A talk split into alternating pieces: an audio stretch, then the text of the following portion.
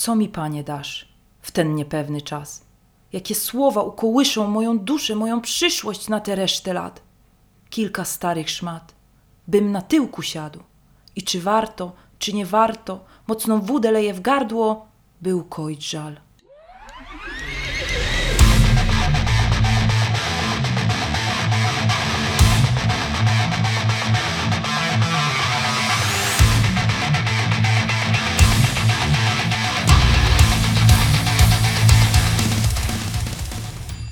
Siemaneczko. Dzisiejsze melodramatyczne intro sponsoruje zespół Baim z piosenką o jakże zaskakującym tytule Co mi panie dasz? Tak.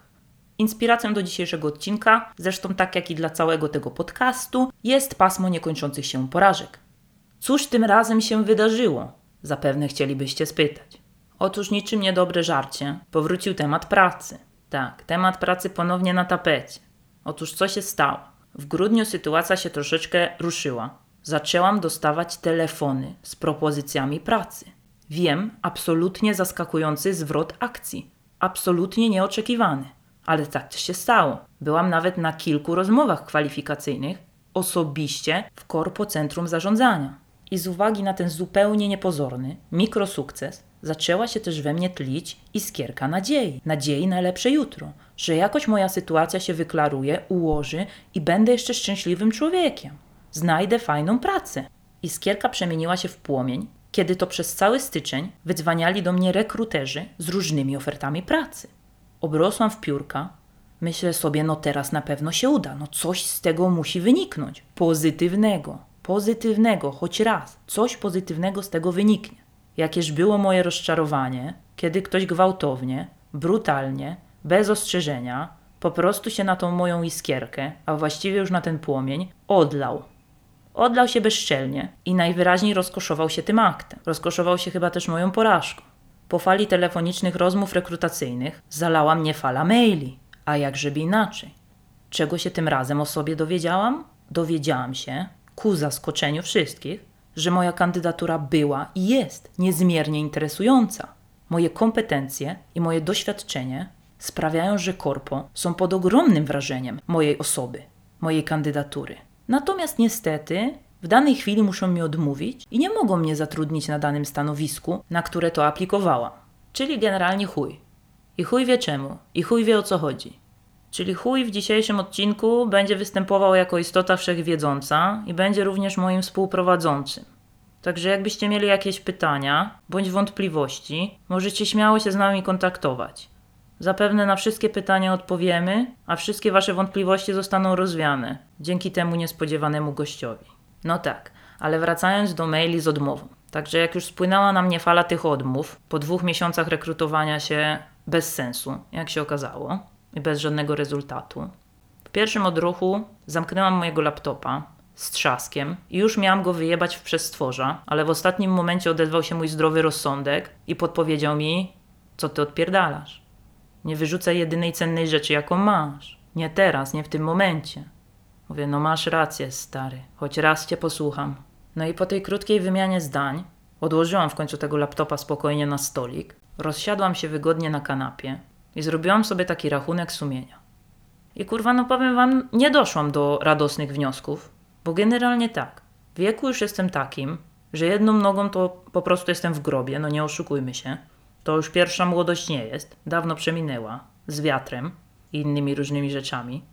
No więc odpierdzielam retrospekcję mojego życia. Zastanawiam się nad tym, co osiągnęłam, co zrobiłam, co mam, gdzie jestem, czy jestem z tego zadowolona. Myślę, że już się domyślacie odpowiedzi na te wszystkie pytania. W sumie jedna odpowiedź na nie wszystkie istnieje. No i myślę sobie tak, w zadumie. No coś kurwa poszło nie tak, ale co? No chuj wie. Męża nie mam, dzieci nie mam, robotę mam, ale chujową, więc muszę ją zmienić. Mieszkania nie mam, domu tym bardziej. Nie mam kredytu, ale to może akurat dobrze. O, znalazłam jeden pozytywny aspekt tego wszystkiego. No i naszło mnie takie przemyślenie, że jedyną cenną rzeczą, jaką mam, to jest Mac, w którym tak naprawdę zapisane jest całe moje życie. I tego też nie ma zbyt wiele. Także generalnie dupy nie urywa. Nawet nie mam co moim starym w spadku, słuchajcie, kurde, zostawić. A tyle się wykosztowali na moją edukację. Jeszcze ojciec fanem wielkim jabłka to nie jest. No to nie wiem, czy by się z tego maka ucieszył. No ale nic. Jak to mówią nasi przyjaciele z za wielkiej wody, it is what it is. No także nie będę wam ściemniać. Nie ukrywam, że się trochę załamałam. No przecież praca w korpo to nie jest jakaś praca wymagająca nie wiadomo jakich umiejętności. Nie trzeba być kurwa Elonem Maskiem, żeby tam pracować, Billem Gatesem, nie trzeba być geniuszem. Wystarczy być w miarę trochę ogarniętym. A jak pokazują przykłady z życia nieogarniętym, można być i też w korpo pracować. Więc generalnie mówię, no co ja mam teraz zrobić, mówię. No nie chce mnie to korpo, no za cholerę mnie nie chce, no coś jest ze mną nie tak, no nie pasuje do tej układanki. Ale jaka jest alternatywa? Co ja bym mogła robić? Pomysłu na biznes nie mam. To znaczy mam. Słuchajcie, ja mam miliony pomysłów na biznes, tylko kurwa żaden z nich nie ma sensu, tak jak wszystkie moje pomysły, no więc to jakby dyskwalifikuje mnie już na samym tutaj kurde początku, no. Ważne jest to, że też nie mam żadnego wkładu własnego, no więc jakby to nawet bardziej mnie dyskwalifikuje niż chujowy pomysł. No ale nic to. Jakiś czas temu zaczęłam rozważać alternatywną pracę. Pracę na kasie w Biedronce. Myślę sobie, kurde, wiadomo, że tam nie jest różowo, że to nie jest życie usłane różami, ale mówię, może na takiej kasie bym się sprawdziła, może tam by mnie chcieli. Tak się reklamuje ta Biedronka, że takie dobre wypłaty dają i w ogóle, że jest taka propracownicza. Czy ja w to wierzę, czy nie, to już, że tak powiem, pozostawię to dla siebie. Natomiast mówię, dobra, spróbuję w tej biedronce. Ale zwlekałam. Jak zwykle zwlekałam za długo. Zastanawiałam się, rozmyślałam, liczyłam na tą korporację, wysyłałam to CV i zmarnowałam czas. Zmarnowałam czas. Dlaczego? Dlatego, że Biedronkę również dotknęła ta cholerna automatyzacja przemysłu. Tam pojawiły się samoobsługowe kasy. No i do czego to prowadzi? Teraz takich kas to jest dwie na sześć. A za chwilę nie będzie już żaden kasjer potrzebny, bo będą same samoobsługowe kasy. Nie będzie w ogóle funkcja kasjera nikomu do niczego potrzebna. I załamuję ręce, no słuchajcie, załamuję ręce, płaczę nad własnym losem, bo ja już byłam tak zdeterminowana, chciałam naprawdę w tym Geronimo Martins pracować. No ja naprawdę się tym jarałam. No logo mają też takie fajne, sympatyczne, taka uśmiechnięta biedronka. No mówię, no spoko robota. No fajnie, fajnie, mówię. Kolory takie fajne, żółty, ja lubię żółty kolor. Mówię, będzie w Biedronce, będzie super. Kurde, Biedra takie fajne towary sprzedaje. Tam na pewno się odnajdę. Nawet sobie wymyśliłam, słuchajcie, slogan. Moja ciotka jest ekspertem od obsługiwania maszyny do szycia, więc myślę sobie, to mi wyhaftuje, kuźwa, hm, wyhaftuje, wyszyje mi to moje logo, to moje powiedzenie, tą moją maksymę na polarku firmowym. Mówię, będę pracownikiem miesiąca. Ha, miesiąca. Zostanę pracownikiem roku. Tak właśnie będzie. Zostałabym nawet pracownikiem województwa, myślę w pewnym momencie. Ale jaką tą maksymę mam? Wymyśliłam sobie tak, uwaga. Eanów skanowanie to moje powołanie. I ja się widzę, słuchajcie, na takim plakacie pracownik miesiąca Biedronki, albo nawet w spocie telewizyjnym, bo Biedronka robi spoty telewizyjne. I byłabym w tym spocie z tym moim motto. No po prostu myślę, że mogłabym zostać twarzą Biedronki. Tak. Chciałam też być świeżoznawcą w sumie, nad tym się też zastanawiałam, ale wydaje mi się, że to znowu nie mam kompetencji, bo to tam pewnie trzeba skończyć jakieś towaroznawstwo albo nie wiadomo co to, inżynierię żywności. Nie wiem. Pewnie trzeba być jakimś ekspertem, no, no świeżoznawcą trzeba być, to ja, nie, to na to to mi się nie nadawała, no więc ta kasa, no ale przypadło, no przypadło, no. Straciłam szansę bezpowrotnie, już nie ma dla mnie ratunku, już nie mam opcji na karierę w Biedronce. No i teraz jestem w takim impasie, ale została mi ostatnia deska ratunku, słuchajcie. Ostatnią deskę ratunku mam i chętnie bym z niej skorzystała, ale są pewne problemy. Już Wam mówię, jaka to deska. Zbutwiała, ale zawsze deska. Porywie frustracji aplikowałam do linii lotniczych zlokalizowanych na Islandii jako pracownik luku bagażowego. Tak zwany luk dla hardkorowych suk, czyli w sam raz dla mnie. Z moim usposobieniem i mentalnością gwiazdy roka na pewno się tam odnajdę. Mogłam też zostać pomocą kuchenną, a właściwie pracownikiem kuchni w tym samolocie, ale jak już wiecie, to przypalam nawet jajecznicę, więc stwierdziłam, że mogą dotknąć mnie jakieś skargi pasażerów, a tego byśmy nie chcieli. Mogłam również zostać pracownikiem sprzątającym samolot, ale to sobie przeanalizowałam i jak dotarło do mnie, że musiałabym też sprzątać kibel w tym samolocie, to serdecznie podziękowałam. No i z trzech opcji został Luke. No więc na Luke padło. CV zostało wysłane. I tak oto, ni stąd, ni zowąd, pewnej soboty dostałam telefon. Wprost z Islandii. Zadzwonił do mnie pan, rekruter, i podpytał mnie, czy ja aplikowałam aby na pewno na to stanowisko i czy ja jestem pewna, czy ja wiem, co na tym stanowisku się robi. na czym ta praca polega. A sobie myślę, hm, no domyślam się na czym ta praca polega, no ale nigdy nie miałam przyjemności pracowania w luku, więc są to tylko i wyłącznie moje domysły. No więc mówię do pana, że podejrzewam, że jest to praca fizyczna. On mówi, no tak, że jest to bardzo ciężka praca fizyczna i on dlatego chce się upewnić, bo zazwyczaj na tym stanowisku, no to pracują panowie. Panie raczej do tego samolotu na pokład do sprzątania albo do kuchni. To ja sobie od razu myślę, ty seksistowski gnoju, już chcesz mnie zniechęcić? Mówię, ja się tak łatwo nie poddam. Mówię, już powiedziałam A, to powiem i B. Więc mówię, tak, ja chcę pracować w luku, proszę pana. Ja aplikowałam na to stanowisko z pełną świadomością obowiązków, jakie na mnie spadną. Pan odchrząknął i powiedział, że w takim razie się bardzo cieszy, że ja z taką świadomością się zgłosiłam do tej pracy. Zadał mi jeszcze kilka kompromitujących pytań. Dlaczego chcę pracować dla ich firmy? No dacie kurwa wiarę. Praca w luku, a gościu się pyta, dlaczego chcę pracować dla ich firmy. Szok. Powiedziałam, bo nie chcę pracować w korpo i chcę się wyprowadzić na Islandię. Powiedział, że świetna odpowiedź. No więc wiecie, jak widać, czasami po prostu bycie szczerym jest najlepszą odpowiedzią, na jaką możecie wpaść, nie? Ach, jeszcze Wam nie powiedziałam jednej bardzo ważnej rzeczy, bo dlaczego ja w ogóle wybrałam ten look oprócz tych wszystkich rzeczy, które już wymieniłam wcześniej? Tam była bardzo ważna rzecz zawarta w tej ofercie. Tam była taka odnotacja, że ta praca w luku to jest praca na kolanach. Ja sobie pomyślałam, na kolanach. To takie wzniosłe, ma tyle znaczeń, takie metaforyczne to jest. Ja mówię tak, to jest niesamowite. To będzie coś specjalnego. To będzie praca, która odmieni najprawdopodobniej moje życie. No najprawdopodobniej będę musiała potem sobie wstawić protezy kolan, ale tym się będziemy przejmowali, że tak powiem, później.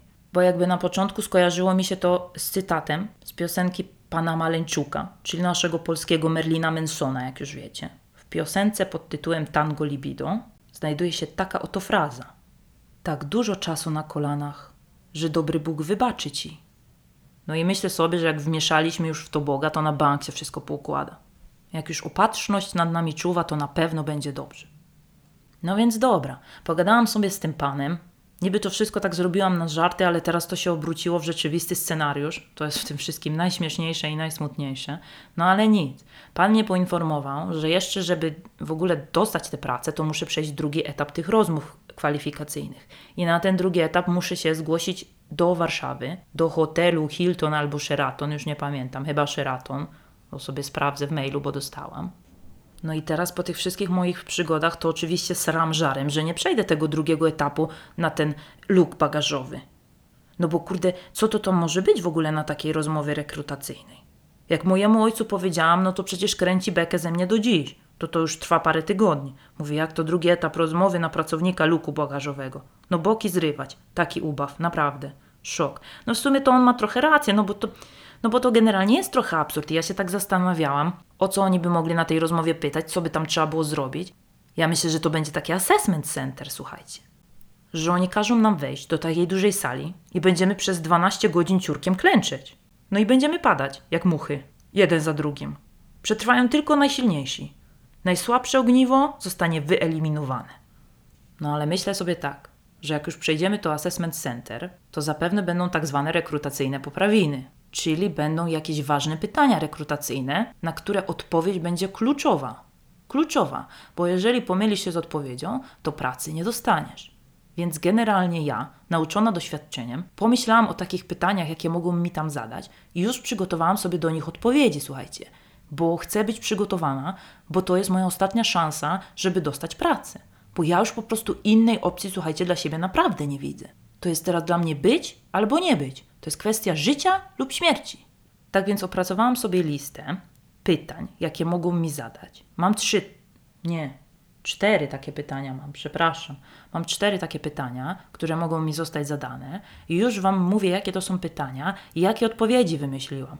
Jeżeli ktoś z Was ma jakiś cenny feedback na temat tego, jakbym mogła ulepszyć moje odpowiedzi, albo jakie pytania jeszcze mogą się tam znaleźć i nad którymi powinnam pomyśleć, to proszę śmiało pisać. Proszę mnie informować, bo tak jak mówię, bardzo mi zależy na tej rozmowie, bardzo mi zależy na tej rekrutacji.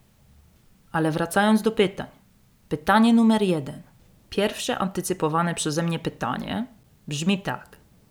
Jak pani dotychczasowe doświadczenie przyda się na tym stanowisku?